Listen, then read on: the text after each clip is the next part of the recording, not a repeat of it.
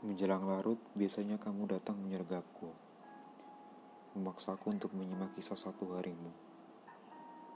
Tapi malam itu kamu bilang, Tuhan akan menghukumku.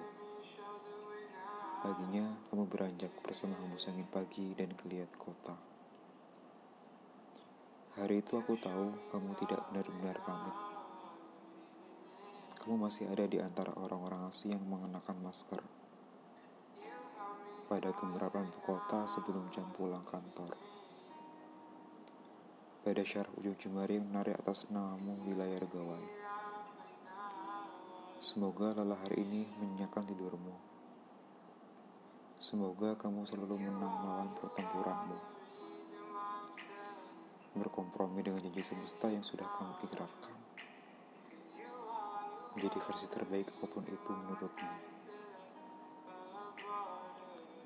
Aku masih di sini, tidak akan ke mana-mana. Entah kamu membutuhkanku atau tidak.